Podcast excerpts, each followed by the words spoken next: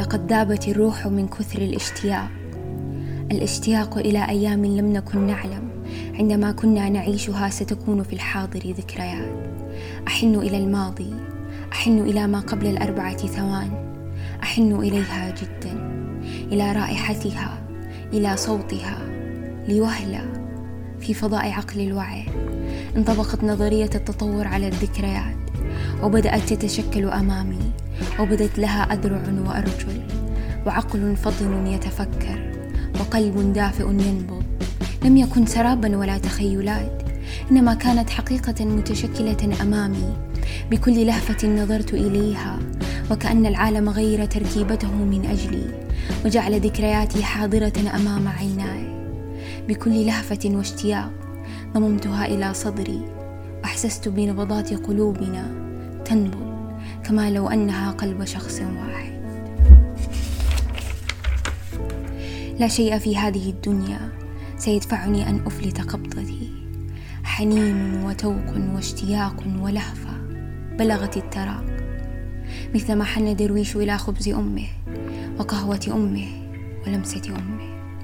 أخذت أنظر إلى الذكريات التي تشكلت أمامي وألمس كتفها وأتأمل تفاصيل وجهها. واستنشق عبق عطرها لأتأكد من حقيقتها. أخذت أحاورها وأقول لها لقد ذابت الروح من كثر الاشتياق لقد ذابت روحي من توقي واشتياقي إليك. كاملة انت بنقصك كاملة انت ككمال رائحة عطرك. كاملة لدرجه أنني أعدت تعريف الكمال ووضعت اسمك. مثل تنهيدة راحة انت مثل ماء ارتوى العطشان بك. مثل أمل يوم جديد وانتهاء يوم صعب. أنت مثل غيث بعد سنين من القحط. أنت كل هذا.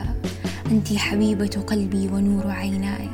أنت جلاء حزني وذهاب همي.